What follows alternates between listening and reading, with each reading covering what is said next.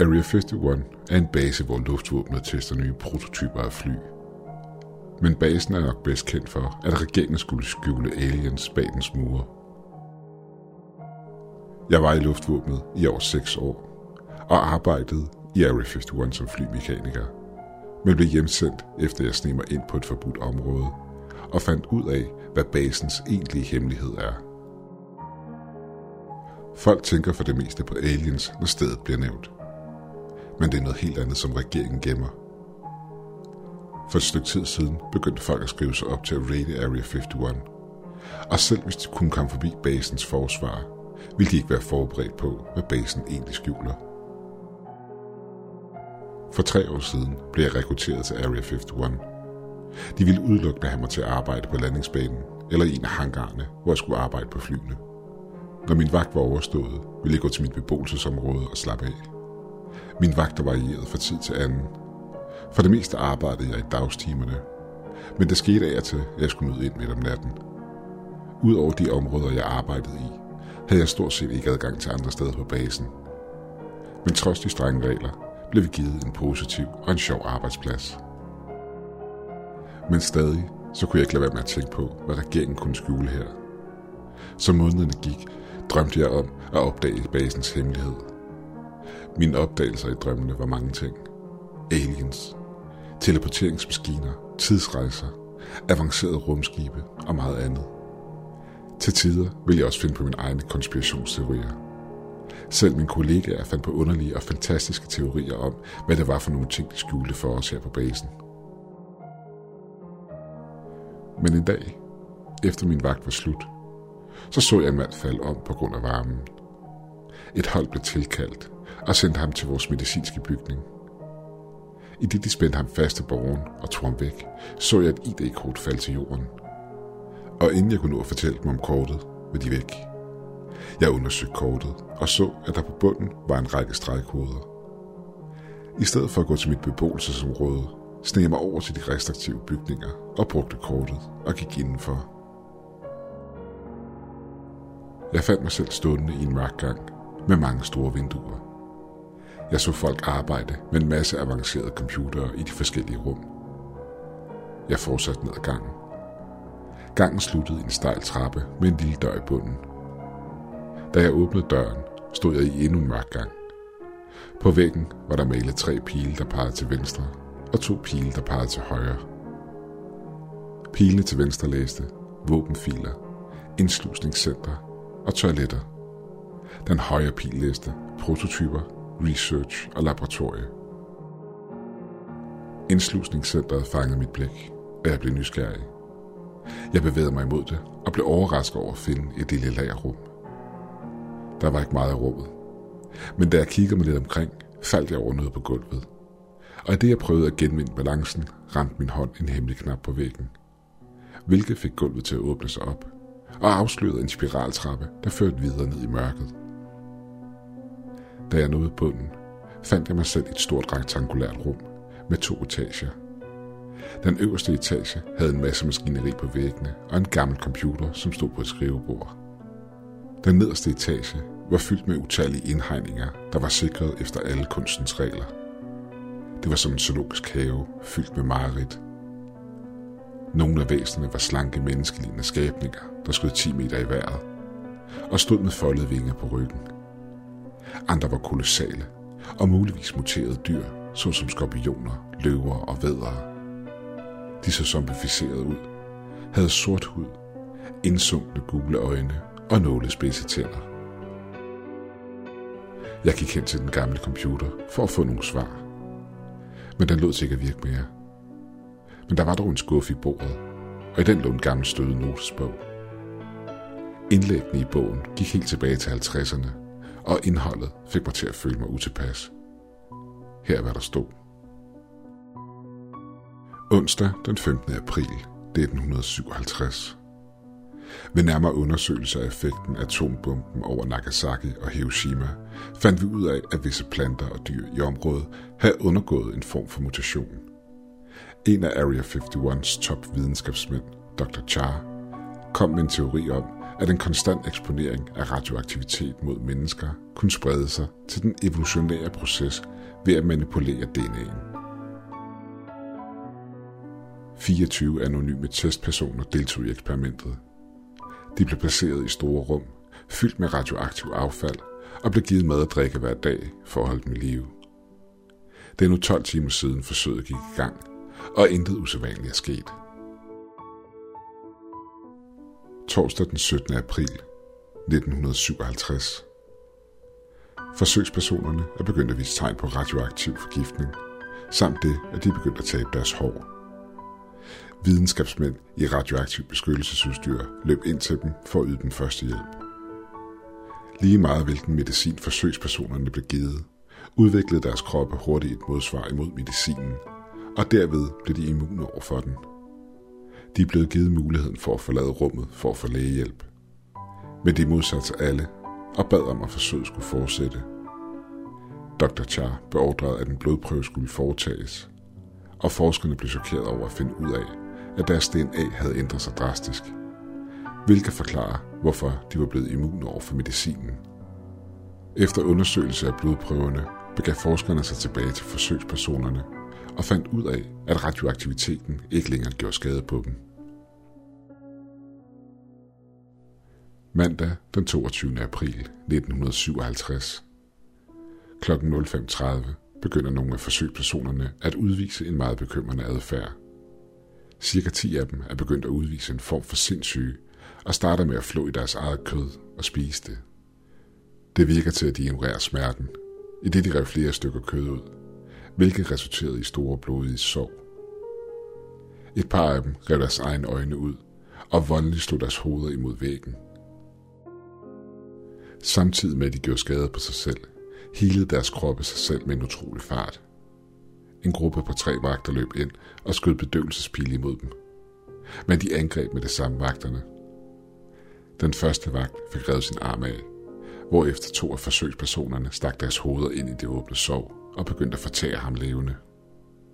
Den anden vagt prøvede at skyde en af dem, men en tredje sned sig ind på ham bagfra og rev hans ryggrad ud, stadig med hans hoved fastgjort. Den tredje vagt var slemt såret og prøvede at undslippe, i det forsøgspersonerne var i gang med at fortære de to andre vagter. Men han blev hurtigt overmandet og flået i stykker, inden han nåede at reagere. Og alt, der kunne høres i anlægget, var de rædselsfulde skrig fra vagterne, der langsomt døde hen. Da forsøgspersonerne var færdige med at æde, var alt, der var tilbage, et par klumper kød, der lå i en stor blodpøl. Det lykkedes også at få bedøvet forsøgspersonerne og neutraliseret dem.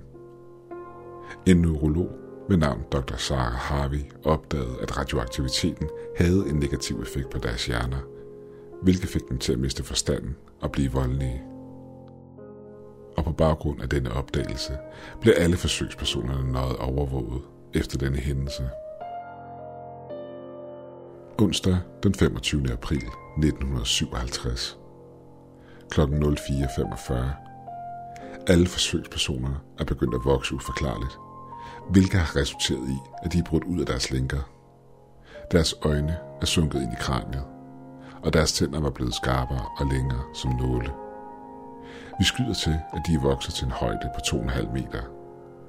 Da vagterne stormer rummet, bliver de brutalt slået ihjel og spist som vagterne tidligere. I stedet for at prøve at slå dem ud med bedøvelse, har vi valgt at barrikadere rummet, så de ikke kan slippe ud. De er efter et par timer faldet til ro, og har siddet stille det meste af dagen, men de bliver ved med at stige på os, hvilket giver mig kuldegysninger. Tirsdag den 30. april 1957 kl. 09.30 begynder forsøgspersonernes kropstemperatur at stige voldsomt. De begynder at mutere og vokse for øjnene af os. Deres kroppe gløder rødt. Blod sprøjter ud fra deres lemmer, i det de transformerer sig. Vi kunne høre knoglerne knække, iblandet deres smertelige skrig, der langsomt bliver mere og mere dyrisk. Formen på deres hoveder ændrer sig også, så det langsomt ligner et slangekranje. Deres kæber skød frem og formede sig til to stødtænder. I det transformationen stod på, lå en forsker mærke til, at der ikke var nogen spor af deres kønsorganer. Da transformationen stopper, og deres kroppe køler ned, var deres hud forvandlet til en kullignende farve, og de lå til at være gået i en form for dvale. Med et fuldstændig ødelagt rum var forsøgspersonerne ikke længere eksponeret for nogen form for radioaktivitet. Dr. Char beordrede, at der skulle indsamles en blodprøve for det blod, der var væltet ud fra dem under transformationen. Forskerne fandt frem til, at DNA'en konstant muterede og klimatiserede sig selv til sine omgivelser. Det blev fastslået, at forsøgspersonerne havde udviklet sig fra at være mennesker til at være noget andet. De er derfor blevet givet navnet Homo colossus, da de nu står over 10 meter i højden. Vi har også givet dem kodenavnet Omega. Vi har planer om at fortsætte observationerne af kæmperne, imens de stadig er i deres dvale. Lørdag den 25. maj 1957.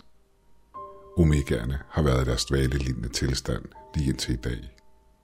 Klokken 04.00 var der en rystelse, som ramte området og vækkede dem. Da de vågnede op, var de meget aggressive og begyndte med det samme at mutere igen. Et par store vinger skød ud af ryggen på dem, og omegaerne begyndte at løbe rundt i panik, imens de prøvede at flyve. De endte med at smadre gennem bygningens vægge og ud i det fri, hvor de ødelagde et par af de nærliggende bygninger samt et par køretøjer. Folkene på basen samlede sig hurtigt og åbnede op for maskinpistoler, rifler, tanks og missiler imod monstrene. Til at starte med blev skabningerne hårdt såret. Men pludselig begyndte de at generere et kraftfelt omkring sig, som beskyttede dem, samtidig med at de hurtigt helede sig selv. Omegaerne havde skar evnen til at frembringe et energifelt fra deres hænder, som udløste en ødelæggende kraft imod de soldater, der skød efter dem. I det de fokuserede energifeltet til deres hænder, gjorde dem mere sårbare over for vores angreb. Et par jægerfly udnyttede situationen og sendte en regn af missiler imod dem, hvilket sårede dem. Omegaerne valgte derfor at forlade Area 51 og fløj væk med supersonisk fart. De blev sidst rapporteret set i et øde område af Nevadas ørken.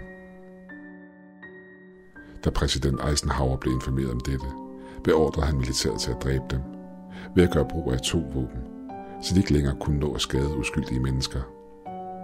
Vi er nu i gang med at forberede operationen, for at gøre en ende på truslen.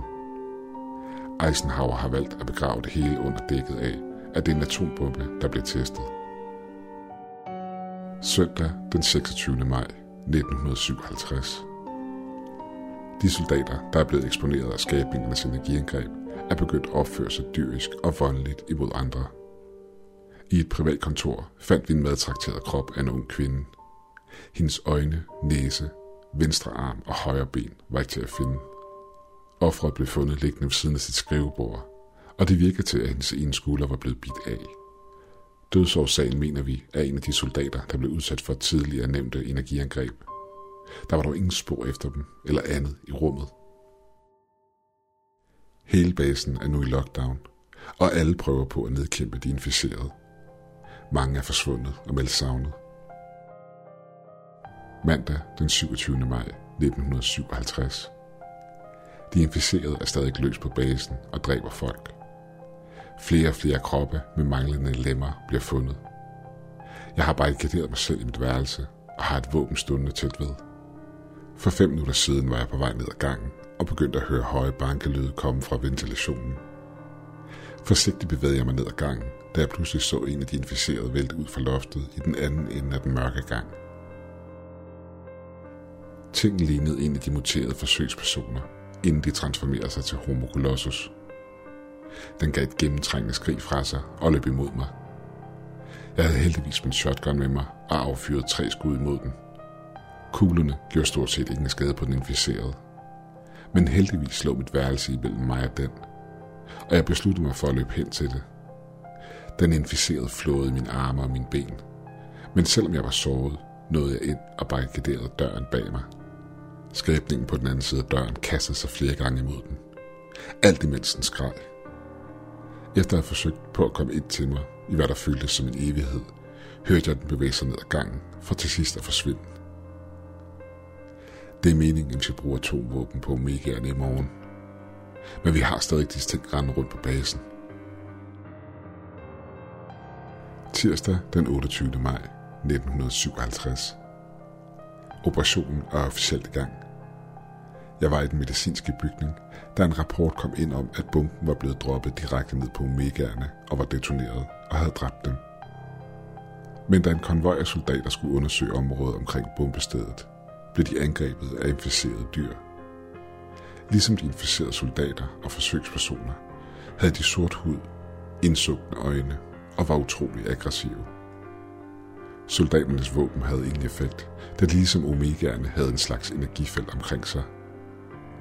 Heldigvis havde konvojen en speciel gas med sig, som de brugte, hvilket fik dyrene til at falde i en dvalelignende søvn. Flere forskellige arter af dyr blev indsamlet og sendt til Area 51 for at blive undersøgt. Søndag den 2. juni 1957. Alle de inficerede mennesker på basen transformerede sig om til omegaer og væltede ud af bygningerne. Heldigvis var ingen af dem i nærheden af den medicinske bygning, jeg befandt mig i. Der var langt færre dødsfald dengang, da hæren formåede at lokke dem ud fra basen og bombe med gassen. Omegaerne faldt om, og videnskabsmændene foretog en masse prøver på dem for at sammenligne dem med de andre inficerede. De fandt bakterier bestående af ren energi og radioaktivitet i deres blod. Hvis en inficeret organisme døde, ville bakterierne blive luftborgen. Og kom bakterien i kontakt med en anden organisme, vil den drastisk mutere og overtage kontrollen helt. Disse opdagelser måtte gemmes væk og beskyttes i Area 51, så de ikke slap ud.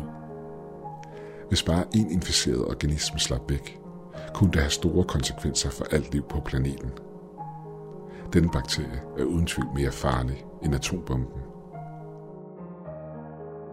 Tirsdag den 4. juni 1957.